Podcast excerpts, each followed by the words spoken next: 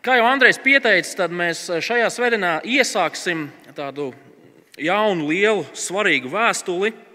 Patiešām vēstule romiešiem tiek uzskatīta par vienu no tām jaunās derības, ja ne visas Bībeles tām smagsvara vēstulēm.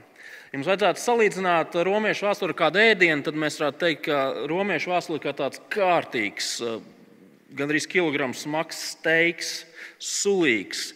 Un tie, kas ir ēduši tādu kārtīgu steigu, zinās, ka viņš ir jāēd lēnām, nesteidzīgi, kožļājot, baudot. Un tieši tāpat ir ar šo vēstuli. Viņai nevar iznesties cauri ātri, kā kādam McDonald's burgerītim. Bet šī vēstule ir svarīga vēstule. Tā atklāja brīnišķīgas patiesības par to, kāds ir Dievs, kāds ir Dieva darbs un gal galā, kā šis darbs attiecās uz mums. Tādēļ es ceru, ka studējot šo vēstuli šī gada garumā, mēs varēsim stiprināt savu ticību, mēs varēsim atbildēt uz kādiem jautājumiem par ticības lietām. Visas šīs lietas mēs iegūsim, ja pacietīgi baudīsim šo vēstuli. Šajā dienā mēs pārdomāsim vēstules sākumu. Tādēļ es aicinu, ka mēs varētu draudzes Bībelēs atvērt pirmo nodaļu un nolasīt no 1 līdz 17 pantam. Draudzes Bībelēs 1138. lapuse vēstule romiešiem, pirmā nodaļa no 1. panta līdz 17. Pāvils Jēzus Kristus kalps aicināts būt par apustuli, izvēlēts sludināt Dieva evaņģēlīju, viņš jau iepriekš caur saviem praviešiem svētajos rakstos bija apsolījis par savu dēlu, Jēzu Kristu, mūsu kungu, kas pēc miesas ir dzimis no Dāvida dzimuma un pēc svētuma gara ir augšām celšanos no miršajiem apliecināts ar spēku par Dieva dēlu. Caur viņu mēs esam saņēmuši žēlastību un apustulisko sūtību. Viņa vārdā pie ticības paklausības vest visas tautas. No tām nākat arī jūs, Jēzus Kristus aicinātie. Jums visiem Dieva mīļotajiem, aicinātajiem svētajiem, kas esat Romā, žēlastība jums un miers no Dieva, mūsu Tēva un Kunga Jēzus Kristus. Vispirms es pateicos savam Dievam caur Jēzu Kristu par jums visiem, ka jūsu ticība tiek daudzināta visā pasaulē. Dievs, viņam ar savu garu, es kalpoju caur viņa dēla evaņģēlī, ir mans liecinieks, ka es pastāvīgi jūs paturu savā aizlūgšanās, vienmēr lūgdams, lai pēc Dieva prāta pašķirtos man ceļi atnākt pie jums. Es ilgojos jūs redzēt, lai ar jums dalītos kādā gara dāvanā, jums par stiprinājumu lai mēs kopīgi gūtu iepriecinājumu cits cita ticībā, jūsu un manā ticībā. Es negribu, brāļi, ka jūs paliekat neziņā. Es daudzkārt biju nolēmis nākt pie jums, bet līdz šim tiku kavēts. Tā ka nevarēju nākt un gūt kādu augli pie jums, tāpat kā pie citām tautām. Es esmu parādnieks gan grieķiem, gan barbariem, tik labi gudriem kā nesaprātīgiem. Tādēļ es degu nepacietībā sludināt evaņģēliju arī jums, kas esat Romā. Es nekaunos evaņģēlīja. Tas ir Dieva spēks pestīšanai ikvienam, kas tic, jūdam vispirms un arī grieķim. Jo tajā Dieva taisnība atklājas no ticības uz ticību, kā ir rakstīts, taisnais no ticības dzīvos. Tas ir Kunga vārds. Amen. Pirms pārdomājam šos pantus, lūgsim Dievu. Pāvils raksta, es nekaunos evaņģēlīja, jo tas ir Dieva spēks par pestīšanu ikvienam, kas tic. Dabas Tēvs, mēs Tev pateicamies par Tavu evaņģēlīju, par vēsti, kas cilvēkiem dāvā glābšanu, jaunu dzīvi, jaunu cerību. Un tādēļ lūdzam, palīdz mums šajā dienā, kad Tavu vārdu pārdomājam. Amen. Ko jūs teiktu, ja es sacītu, ka Mēs, kā kristieši, pilnīgi visi bez izņēmuma, esam parādnieki. Būt par kristieti nozīmē būt par parādnieku. Vēl vairāk būt par parādnieku, kurš īstenībā ir priecīgs par savu parādu. Ko jūs teiktu par to? Parasti parādi nekādā veidā nesaistās ne ar ko labu, piekritīsiet. Kā latvieši saka, parāds nav brālis. Un laik pa laikam, it īpaši pēdējos dažus gadus mūs biedē un, un brīdina par to, ka piemēram, mūsu valsts kopējais parāds aug un strauji aug, un kādu dienu mums visiem kopīgi šis parāds būs jāatdod. Mums nevienam nepatīk būt parādā. Reizēm mēs esam spiesti aizņemties kādu naudu, lai nu, nezinu, samaksātu rēķinus, vai ir kādi neparedzēti lieli izdevumi. Bet parāds pavisam noteikti nav nekāds brālis. Drīzāk parādi ir kā tādi milzīgi akmeņi, kurus mēs visu laiku stiepjam sev līdzi. Bet kādā ziņā, runājot par kristieti, mēs varētu teikt, ka kristietis ir parādnieks. Un es uzreiz nomierināšu. Te nav runa par kaut kādām finansēm vai materiālām lietām.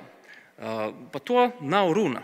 Skaidrs, ka mēs kā kristieši esam aicināti pēc savas, pēc savas brīvas izvēles, tik, cik mēs spējam, ziedot evaņģēlīju darbam, lai evaņģēlīja darbs varētu iet uz priekšu. Bet ne par to es runāju, ne par to runā Pāvils šeit. Šis ir cita veida parāds. Un tas ir neizbēgams parāds. No tā nav iespējams izvairīties. To nav iespējams atdot. Bet tas ir priecīgs parāds. Skatieties, ko Pāvils saka 14. pantā. Es esmu parādnieks gan grieķiem, gan barbariem, tikpat gudriem kā nesaprātīgiem. Pāvils sevi uzskata par parādnieku dažādiem cilvēkiem, dažādām tautām. Grieķi Romas impērijā bija tie, tie kultūrālie, tie izglītotie cilvēki, intelektuāļi. Pāvils ir parādā viņiem. Bet viņš parāda arī barbariem. Un par barbariem tajā laikā uzskatīja visas tās daudzas tautiņas, kas mācās virsū Romas impērijai, tīpaši no ziemeļiem. Pāvils saka, es parādu arī viņiem. Bet kas tas ir par parādu? Un gal galā, kā šis parāds attiecās arī uz mums? Pāvila parāds ir viņam uzticētais evaņģēlijs, evaņģēlīja vēsts. Evaņģēlijs Pāvilam ir iedots, lai viņš viņu dotu tālāk. Nu, piemēram, ja es jums iedotu 100 eiro un teiktu, paņem šos 100 eiro un iedod tādam un tādam cilvēkam, Jūs tajā brīdī kļūat par maniem parādniekiem. Līdz brīdim, kad jūs šos 100 eiro atdodat cilvēkam, kuram es lūdzu jums to atdot. Vēstules rakstīšanas brīdī Pāvils ir noslēdzis vienu lielu savas kalpošanas un dzīves posmu. Viņš ir veicis misiju, misijas darbu un draugu dibināšanas darbu tagadējās Turcijas, Maķedonijas, Grieķijas teritorijā. Un nu viņš taisās doties uz, jauniem, uh, uz, uz jaunām teritorijām, proti, Spāniju. Uz Romas impērijas vienu no tālajiem stūriem.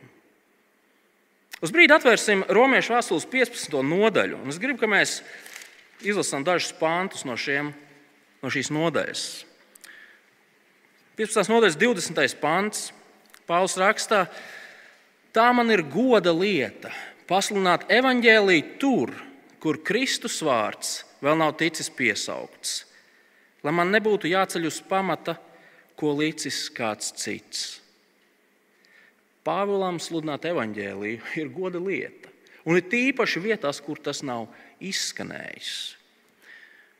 Bet dažus pantus tālāk, no 22. panta, Pāvils ļoti skaidri uzrunājot romiešus, izsaka cerību, ka šī Pāvila goda lieta varētu kļūt arī par Romas kristiešu goda lietu. Skatieties no 22. panta.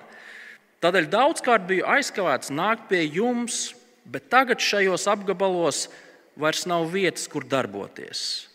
Un tā kā jau daudzus gadus esmu ilgojies nākt pie jums, ceru, ka dodoties uz Spāniju, pa ceļam redzēšu arī jūs, un jūs mani izvadīsiet tālākā ceļā kad būšu pie jums, vispirms šo ilgošanos pa daļai piepildījis.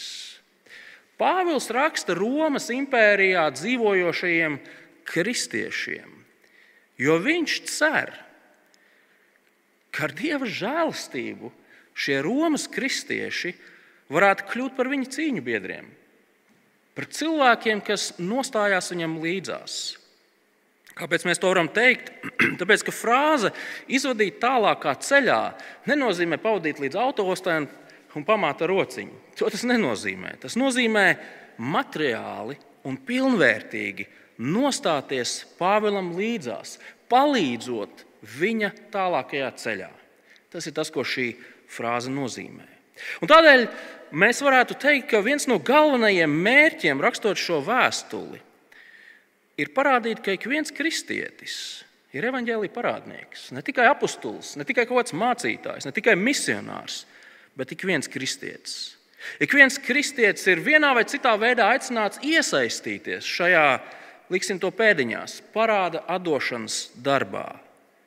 Un šis parāds tiek atdots tad, kad evaņģēlīja vēsts tiek nodota tālāk. Cilvēkiem, tiem, kas tic Kristum, tiem, kas netic Kristum, pilnīgi visiem. Bet pēc šāda ievada ir, ir svarīgi uzdot vienu vai divus svarīgus jautājumus. Kas vispār ir evaņģēlijs? Jūs spējat atbildēt uz jautājumu, kas ir evaņģēlijs? Un otrs jautājums, kāpēc ir svarīgi to evaņģēliju pasludināt tālāk? Kas ir evaņģēlijs un kāpēc ir tik svarīgi, ka mēs to nododam tālāk? Un tieši ar šiem diviem jautājumiem Pāvils iesāk savu vēstuli. Atgriezīsimies pirmajā nodaļā. Un atbild uz pirmo jautājumu, kas ir evaņģēlijs, savā būtībā evaņģēlijs ir vēsts par to, ka Jēzus ir kungs. Kad mēs runājam par evaņģēliju un mēģinām nodefinēt, kas tas ir, mēs parasti sakām, ka jā, evaņģēlija vēsts tā ir par Jēzu, kurš nāca šajā pasaulē, mīra pie krusta, sarūpēdams grēku piedošanu, mieru, attaisnošanu, mūžīgo dzīvību Runājot par evaņģēliju, mēs parasti sakām, evaņģēlis tā ir tāda glābšanas vēsts. Dievs caur Jēzu izglābi grēcinieku. Lūk, evaņģēlijs. Mēs tā sakām, un mēs sakām pareizi. Tāpēc, ka Pāvils šīs raksturvietas izskaņā 16. pantā saka, ka jā, evaņģēlis ir Dieva spēks pestīšanai ikvienam, kas tic. Evaņģēlis ir glābšanas vēsts. Taču tas nav tas, ar ko Pāvils sāk šo vēstuli. Ieskatieties vēlreiz pirmajos četros pantos.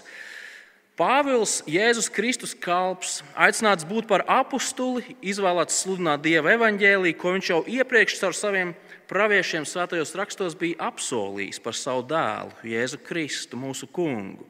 Kad pēc miesas ir dzimis no Dāvida dzimuma un pēc svētuma gara ar augšām celšanos no mirušajiem, apliecināts ar spēku par Dieva dēlu. Draugi, jau ar pašiem pirmajiem vēstules, mēs varētu teikt, sveiciena vārdiem, Pāvils pasaka vairākas ārkārtīgi svarīgas lietas. Pirmkārt, mēs redzam, ka šīs vēstules autors, pats Pāvils, viņa aicinājums nāk no Dieva. Apstuļu darbu grāmatas 9. nodaļā, jūs mājās varat šo nodaļu izlasīt, mēs, mēs redzam aprakstu tam, kā Pāvils no nekristieša kļuva par kristieti, no dievienaidnieka par dieva draugu. Un šajā nodaļā, 9. nodaļas 15. pantā, pats Dievs, Kristus par Pāvilu saka, šis vīrs ir mans izredzēts darbarīgs, lai nestu manu vārdu tautām un ķēniņiem un Izraēla dēliem. Pāvils ir Dieva, jeb Kristus izredzēts šim darbam. Viņš ir sūtnis, viņš ir pārstāvis, viņš ir vēstnieks. Viņš ir apustulis. Viņa aicinājums, viņa uzdevums, viņa misija ir dieva dota. Redziet, Pāvils nav kaut kāds pašdarbonis. Viņš nav sevi pasludinājis par kaut ko. Nē, Dievs viņu ir aicinājis šim darbam. Tā ir pirmā lieta, ko mēs šeit redzam. Otrkārt, mēs redzam, ka arī vēsts, ko šis dieva sūtnis um, nes, ir paša dieva vēsts. Jēzus Kristus kalps aicināts būt par apakstuli, izvēlēts sludināt Dieva evaņģēliju. Evanģēlis nav cilvēku izdomāts. To nav sacerējuši kaut kādi mūki kaut kādā klosterī vai alā, vai baznīca, lai valdītu pār pasauli, vai vēl kaut kādi ļauni, kaut kas tur, kaut kad tur. Nē, Dieva evaņģēlijas. Un tas nozīmē, ka Pāvilam un pastarpināt arī mums nav nekādu tiesību mainīt, notušēt vai kaut kā citādāk atspoguļot to, ko Dievs savā vārdā ir teicis. Tas ir jāpasludina tāds, kāds tas ir. Tas ir Dieva evaņģēlijs. Un treškārt, šī evaņģēlīja centrā, jeb šis evaņģēlijs ir par valdnieku. Evaņģēlijs ir par valdnieku. Šajos ievadu pantos Pāvils vesels četras reizes tieši un vienu vai divas reizītes tā netiešāk pasaka to, ka evaņģēlīja vēsts ir par to, ka Jēzus ir valdnieks. Skatieties, pirmajā pantā. Pāvils Jēzus Kristus kalps. Trešajā pantā par savu dēlu Jēzu Kristu, mūsu kungu. Ceturtajā pantā pēc svētuma gara ar augšām celšanos no mirušajiem apliecināts ar spēku par Dieva dēlu. Visi šie vārdi, kurus es izcēlu, tie runā par valdnieku. Jēzus ir Dieva valdnieks, Kristus ir valdnieka tituls, Dieva dēls ir valdnieka tituls. Jēzus ir valdnieks. Un par viņu jau runāja vecajā derībā. Draugi, Jēzus sevi nepasludināja par valdnieku kaut kad tad, kad viņš tur sāka dzīvot. Nē, par viņu runāja jau vecās derības pravieši, uz kuriem arī Pāvils šeit atsaucas. Um, otrajā samuēlā grāmatā Dieva pravietis Nātans ķēniņam dāvdams sacīja: Kad tavs dienu skaits būs pilns, tu ies pie saviem tēviem. Es celšu tev pēcnācēju, kas no tevis paša dzīves. Es nostiprināšu viņa valdīšanu. Viņš uzcels namu manam vārdam. Es nostiprināšu viņa valsts troni uz mūžiem. 2. samuēlā 7, 12 līdz 13. Jēzus Kristus ir šis valdnieks, kurš tiek pravietots vairāk kā tūkstoš gadus iepriekš. Viņš ir šī apsolījuma piepildījums, šī pravietojuma piepildījums. Viņš ir miesā nākušais Dieva valdnieks. Un vēl Pāvils saka, tajā brīdī, kad Jēzus Kristus augšām cēlās no mirušajiem, viņš tika apliecināts, ka viņš patiešām ir šis mūžīgais, varenais pasaules valdnieks, kurš valda pāri visai pasaulē. Varenais nāvi uzvarējušais, mūžīgais pāri visam. Draugi, mēs ar jums dzīvojam pilnīgi citos laikos, pareizi. Mēs neesam pirmajā gadsimtā Izraels teritorijā, un, un mēs dzīvojam pilnīgi citā politiskajā iekārtā. Un mums šī iemesla dēļ iespējams ir grūti ieraudzīt to, cik nozīmīgi ir šie vārdi. Dzīvojot demokrātijā, mums liekas, ka nu, mums, mums ir liela brīvība. Pareizi, mēs paši varam noteikt, ko darīt, ko nedarīt. Nu, protams, ir kaut kāda ierobežojuma. Nu, salīdzinājumā ar, ar senajiem laikiem mūsu brīvība ir milzīga. Savukārt Pāvila laika lasītāji dzīvoja tad, kad imperatoram, jeb ķēniņa, imperatoram, jeb ķēniņa vārds nozīmē pilnīgi visu. Visa tava dzīve bija atkarīga no imperatora un viņa notajiem noteikumiem un iegribām. Un paveicās tad, ja šis imperators vai ķēniņš, valdnieks bija tāds saprātīgs vai tāds, tāds liberālāks. Taču vēstures liecības mums rāda to, ka parasti šie imperatori vairāk līdzinājās nu, nezinu, Krievijas caram Putinam. Ļauni noziedznieki, kas īstenoja tikai savus iegribus. Evangelija centrā atrodas patiesība par to, ka Jēzus ir valdnieks. Viņš ir pāri visiem, viņš ir pāri visam, bet atšķirībā no cilvēku valdniekiem, viņš ir perfekts. Viņš ir perfekts savā gudrībā, savā varenībā, savā taisnīgumā, savā labestībā, savā valdīšanā. Kas ir evaņģēlīja vēsts? Evangelija vēsts ir tas, ka Jēzus ir valdnieks.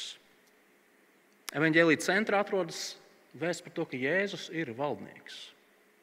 Un to ir svarīgi saprast. Evangelija centrā nav cilvēks. Evangelijas nav par mums.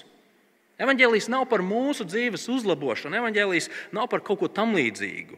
Evangelijas nav mūsu dzīves iztrūkstošais elements, kuru iegūstot, mēs kļūsim beidzot laimīgi un priecīgi. Protams, draugi, Jēzus dāvā prieku. Jēzus dāvā mums glābšanu. Jēzus maina mūsu tagadni un nodrošina mūžīgo nākotnes cerību un drošību. Jēzus palīdz un pasargā. Mēs Jēzu varam saukt arī par savu draugu. Tā visa ir patiesība. Bet tas viss ir tikai un vienīgi tādēļ, ka Jēzus ir šis varenais valdnieks. Jēzus ir valdnieks.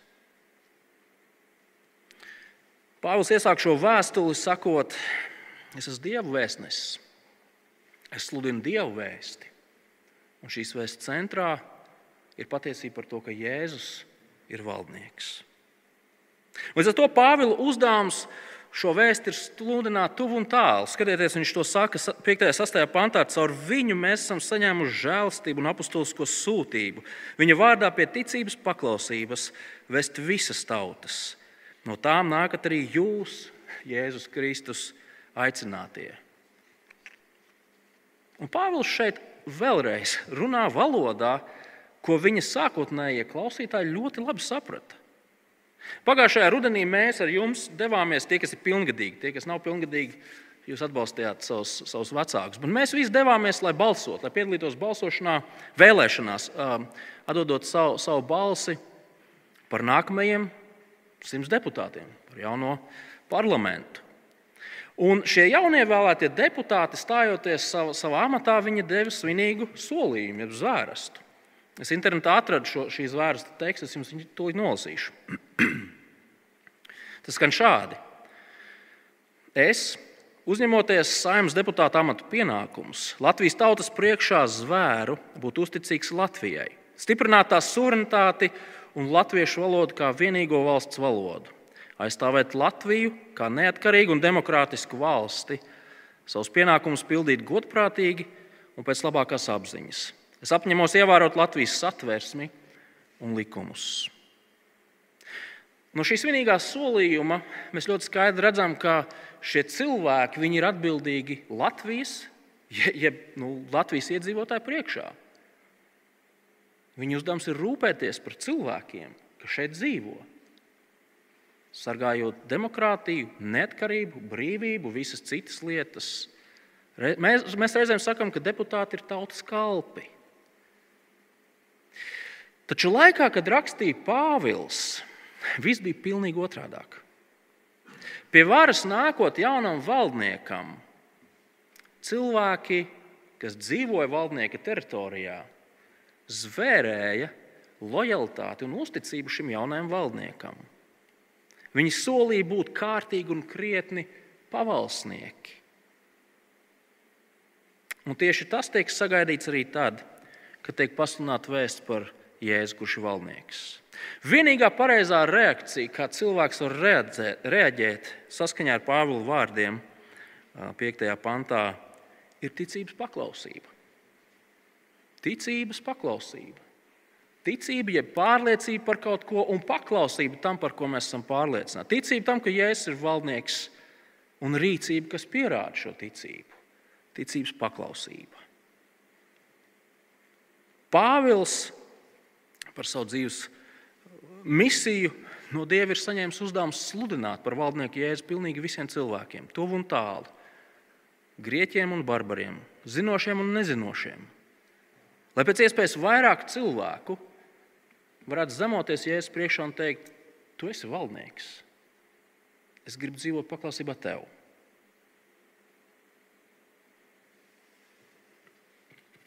Evanģēlijas savā būtībā ir vēsts par to, ka Jēzus ir valdnieks. Un otrā lieta - šī vēsts ir jāzina pilnīgi visiem cilvēkiem. Izlasīsim no 8. panta līdz 12.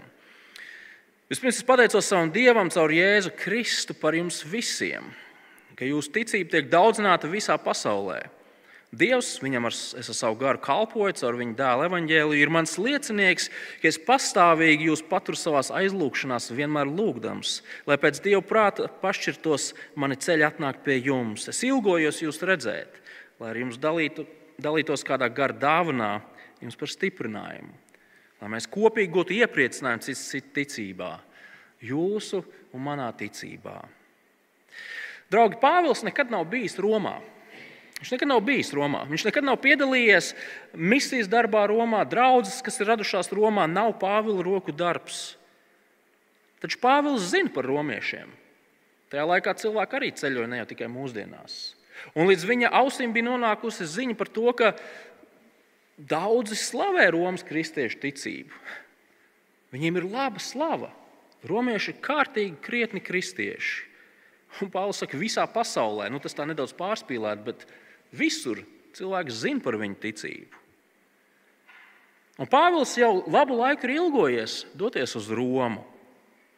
Līdz, tas, līdz šim tas viņam nebija sanācis. Kalpošana prasīja savu, un viņš nekad nevarēja atbrīvoties, lai dotos uz Romu. Bet kāpēc Pāvils tik ļoti ilgojās, lai dotos pie romiešiem? Kā jau ievadā teicu, tad no vienas puses vēstule mums atklāja to, ka Pāvils meklē savu misijas partnerus. Viņš meklē cilvēkus, ar kuriem kopā viņš varētu darīt to Spānijas darbu. Viņš meklē cilvēkus, kas varētu nostāties aiz viņa. Taču tas nav vienīgais iemesls, kāpēc Pāvils raksta. Tas ir svarīgs iemesls, bet ne vienīgais. Redziet, te nav runa tikai par tādām darījuma attiecībām. Ne, Pāvilu interesē, reāli interesē paši romieši. Viņam reāli interesē, lai šie Romas kristieši turpinātu turēties pie labās reputācijas, lai viņi turpinātu augt un lai šie augļi būtu redzami. 11. pantā Pāvils saka, ka vēlas stiprināt romiešus ar kādu gara dāvanu. Labāks tulkojums ir ar, ar garīgu dāvanu. Vai, vai 12. pantā Pāvils vēlas būt Romā, lai mēs kopīgi gūtu iepriecinājumu cits citu ticībā, jūsu un manā ticībā. Kas ir šī garīgā dāvana, kas ir šis iepriecinājums, no kā nāk šis iepriecinājums? Un atbild ir evaņģēlijas. Pāvils vēlas doties uz Romu, lai visa cita starpā ar evaņģēlīju vēsti stiprinātu romiešus. Bet tas ir divu virzienu ceļš, vai jūs pamanījāt to? Pāvils vēlas stiprināt romiešus, bet viņš vēlas, lai romiešu ticība stiprinātu arī viņu. Mēs reizēm sakām, ka mums ir jāevanģelizē neticīgie cilvēki, tie, kas nekad par jēzu nav dzirdējuši. Un, un tā tas ir. Arī Pāvils tam piekrīt.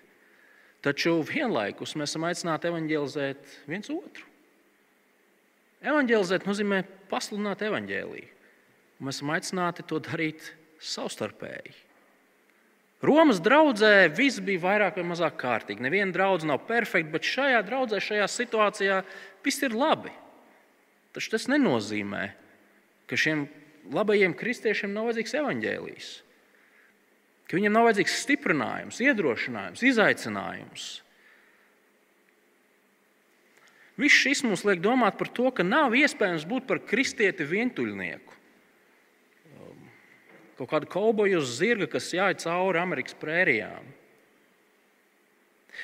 Taču draudzes lielā pievienotā vērtība ir nevis tas, ka mēs esam kopā ar citiem cilvēkiem, bet gan tas, ka mēs esam kopā ar citiem cilvēkiem un mēs runājam par evaņģēlīju. Cilvēki ar cilvēkiem, kas mums atgādina evaņģēlīju, ar cilvēkiem, kas mūs izaicina Dieva patiesības gaismā, ar cilvēkiem, kas cits par citu lūdz, lai mēs varētu dzīvot saskaņā ar evaņģēlīju. Mēs viens otram esam vajadzīgi. Un, draugi, viens no mācītāju un draugu vadītāju lielākajiem iedrošinājumiem, priekiem ir redzēt to, kā citi kristieši uzdod jautājumus, meklē atbildes, pieaug, nobriest, nepadodas, iet uz priekšu. Tas ir viens no maniem lielākajiem iedrošinājumiem, strādājot par mācītāju. Bet bez stiprinājuma un iedrošinājuma Pāvils vēlas redzēt arī kādus augļus. 13. pantā Es negribu, brāļi, lai jūs paliekat neziņā. Es daudzkārt biju nolēmis nākt pie jums, bet līdz šim tiku kavēts. Tā ka nevarēju nākt un gūt kādu augli pie jums, tāpat kā pie citām tautām. Kas tas par augli, kas tiem pa augļiem? Pāvils pārāk neizskaidro, taču no jaunās derības konteksta mēs zinām, ka pa augļiem parasti sauc tās redzamās Eh, taustāmās lietas, kas pierāda to, ka mēs esam ticīgi un ka mēs augam šajā ticībā. Vai varbūt tā šeit ir runa par to, ka Pāvils ilgojas ar evaņģēlijas sludināšanu Romā redzēt kādus jaunus atgrieztos? Vai varbūt Pāvils ar augļiem šeit domā kaut ko taustām un skanošu, kādu monētu makā, ka romieši atbalstīs viņu misiju? Un, manuprāt, mums nav jāizvēlās starp vienu no šiem trim. Jo evaņģēlis taču panāk visas trīs lietas. Kad evaņģēlis tiek sludināts, tad neticīgi cilvēki kļūst par ticīgiem. Kad evaņģēlis tiek sludināts, tad ticīgi cilvēki nobriest un pieaug. Kad evaņģēlis tiek sludināts, tad ticīgi nobrieduši cilvēki iesaistās misijas darbā. Pareizi, visas trīs lietas. Un es domāju, ka visas trīs lietas mēs arī redzam vēstulē romiešiem. Un tā evaņģēlis ir jādzird visiem. Visiem, visiem. 14. un 15. pāns ir savu veidu kopsavilkums tam, ko mēs līdz šim esam redzējuši. Es esmu parādnieks gan grieķiem, gan barbariem, tikpat gudriem kā nesaprātīgiem. Tādēļ degu nepacietībā sludināt evaņģēlī arī jums, kas esat Romā.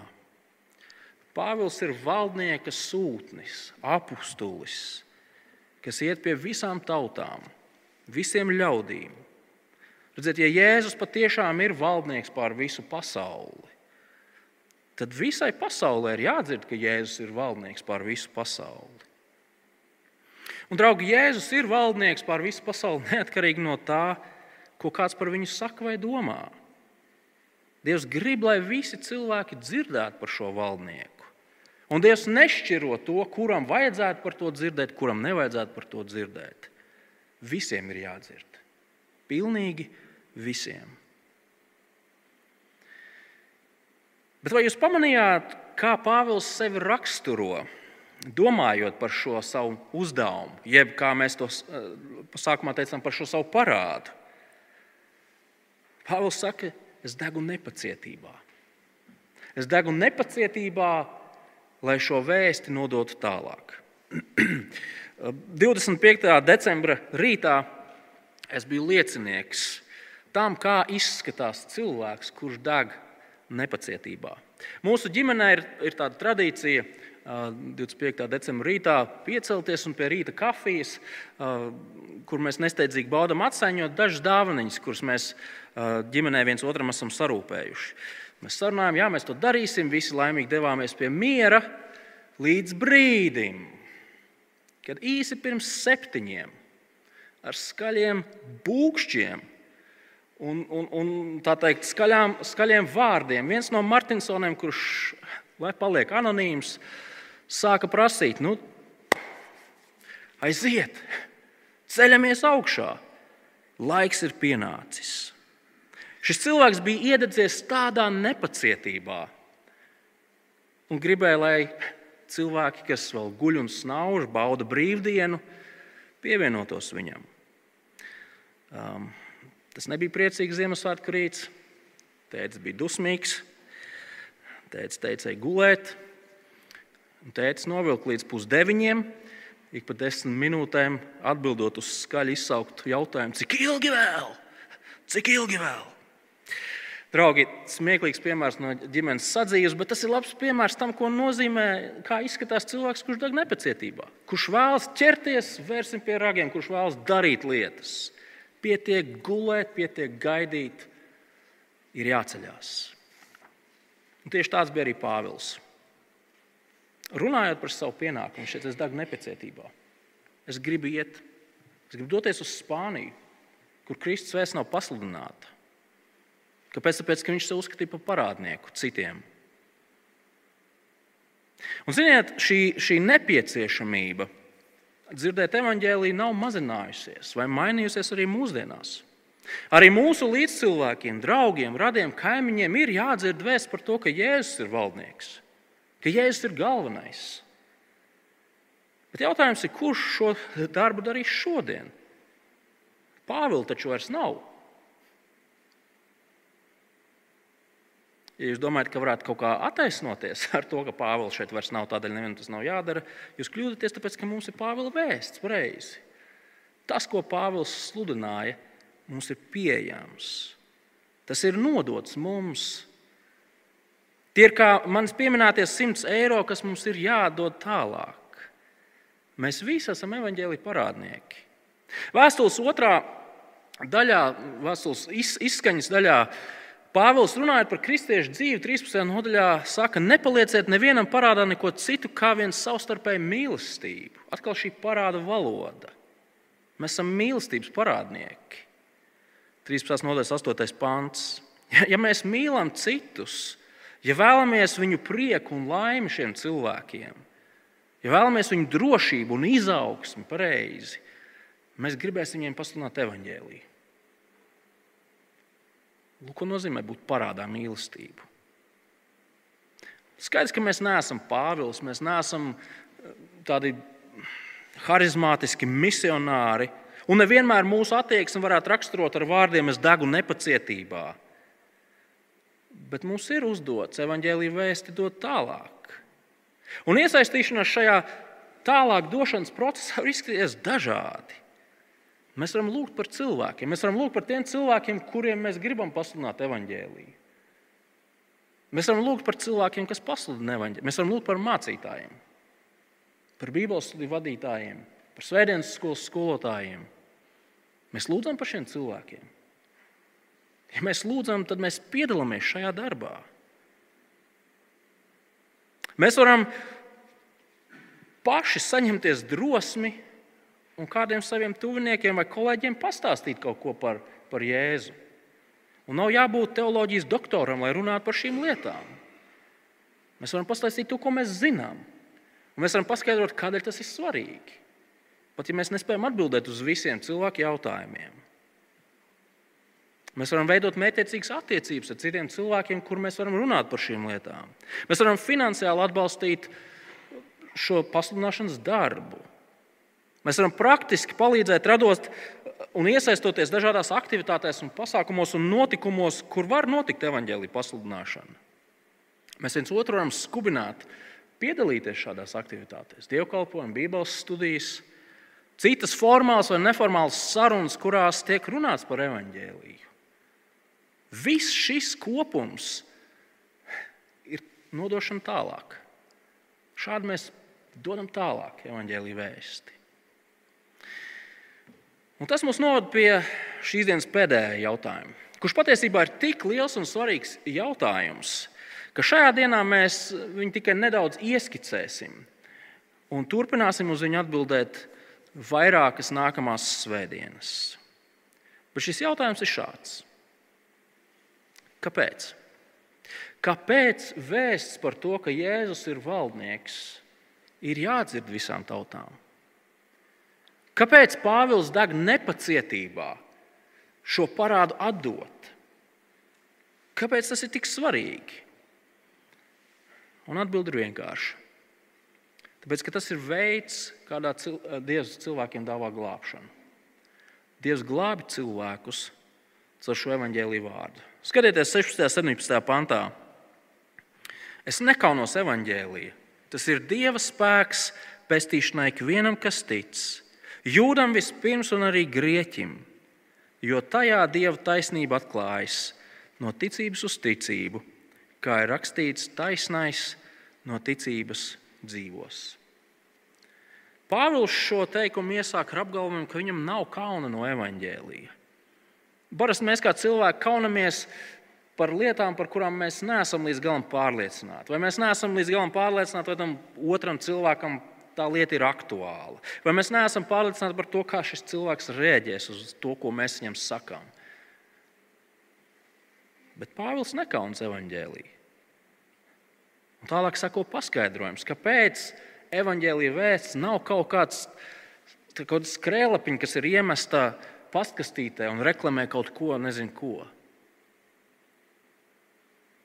Nedaudz pārfrāzējot, Pāvils sakāmo nedaudz kondensējot, 16. līdz 18. pantām, mēs dzirdam, Pāvils saka, es nekaunos evaņģēlīja, jo tas ir Dieva spēks pestīšanai ikvienam, kas tic, jo tajā atklājas Dieva taisnība.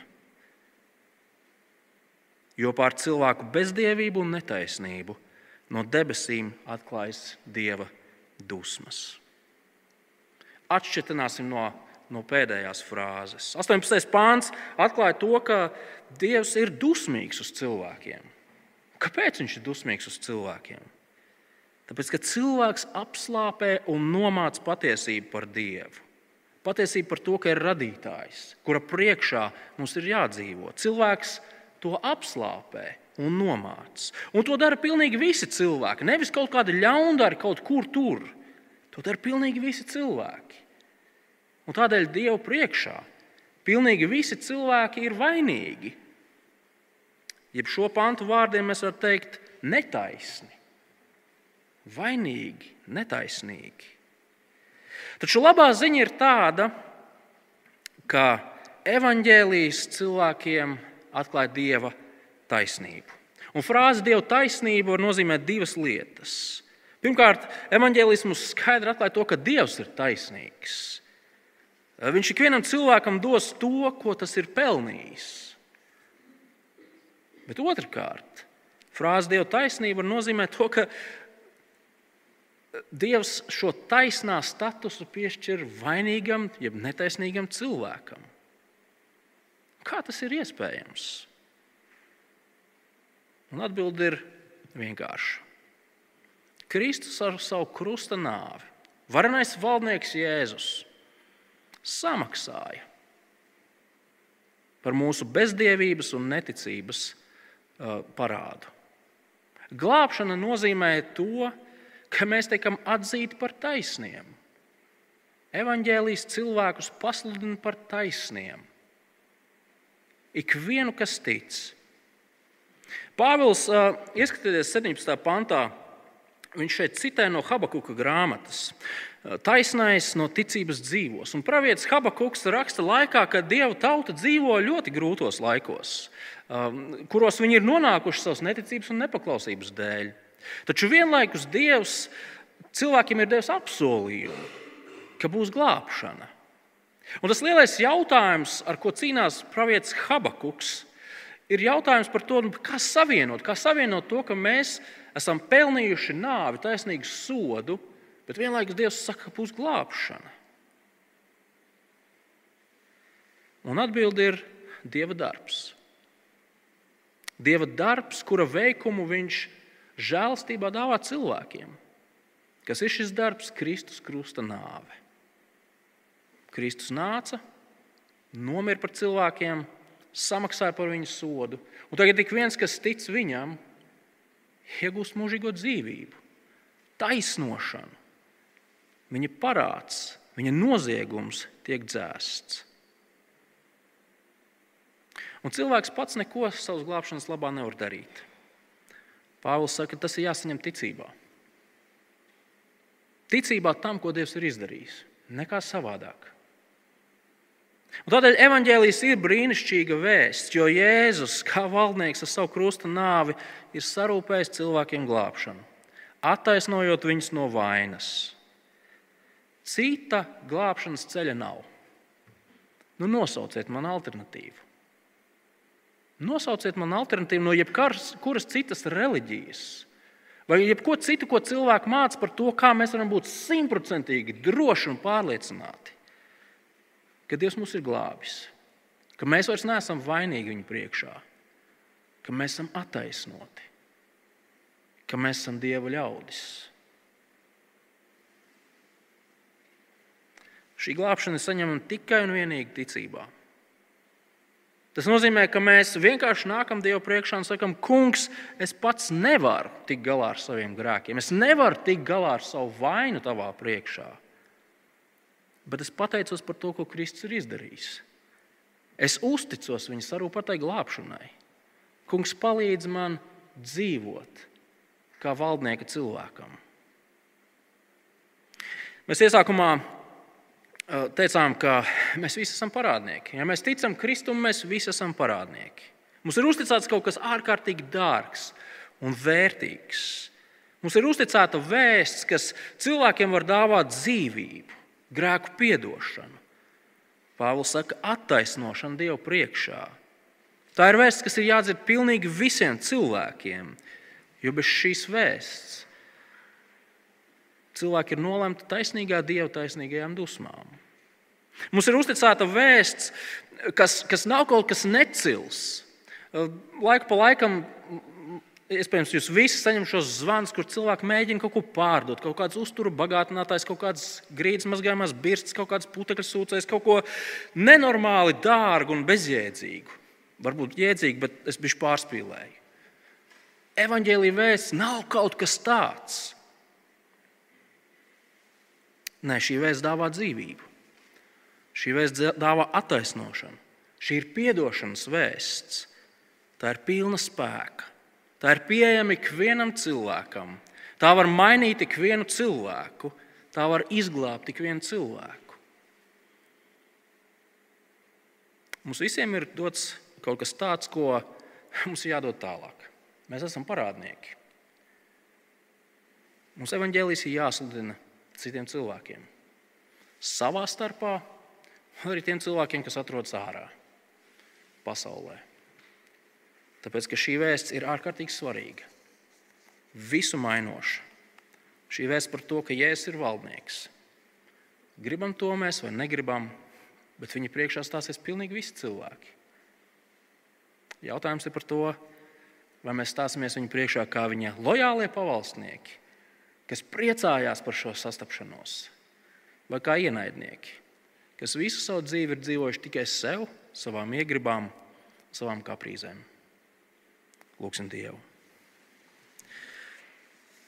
Debes Tēvs, patiešām evaņģēlījis ir Dieva spēks pestīšanai ikvienam, kas tic jūdam vispirms, un arī grieķim, un arī latvietim, un arī amerikānim, un visām citām pasaules tautām. Debes Tēvs, mēs lūdzam, lai šī vēsts un, un tās pārdomāšana mums palīdz līdzināties Pāvilam, ka mēs varētu iedegties nepacietībā, par evaņģēlīju runāt cits ar citu šeit, draudzē, ar cilvēkiem ārpus šīs draudzes. Un mēs lūdzam, lai evaņģēlīja vēsts dara to darbu, ko tu savā vārdā soli, ka tas darīs. Glābs cilvēkus, mainīs cilvēkus, stiprinās cilvēkus, izaicinās cilvēkus un gal galā vedīs cilvēkus pretī mūžīgai dzīvībai kopā ar tevi. Tāpēc Tēvs mēs lūdzām, palīdz mums šajā darbā, šajā gadā, Jēzus vārdā. Amen.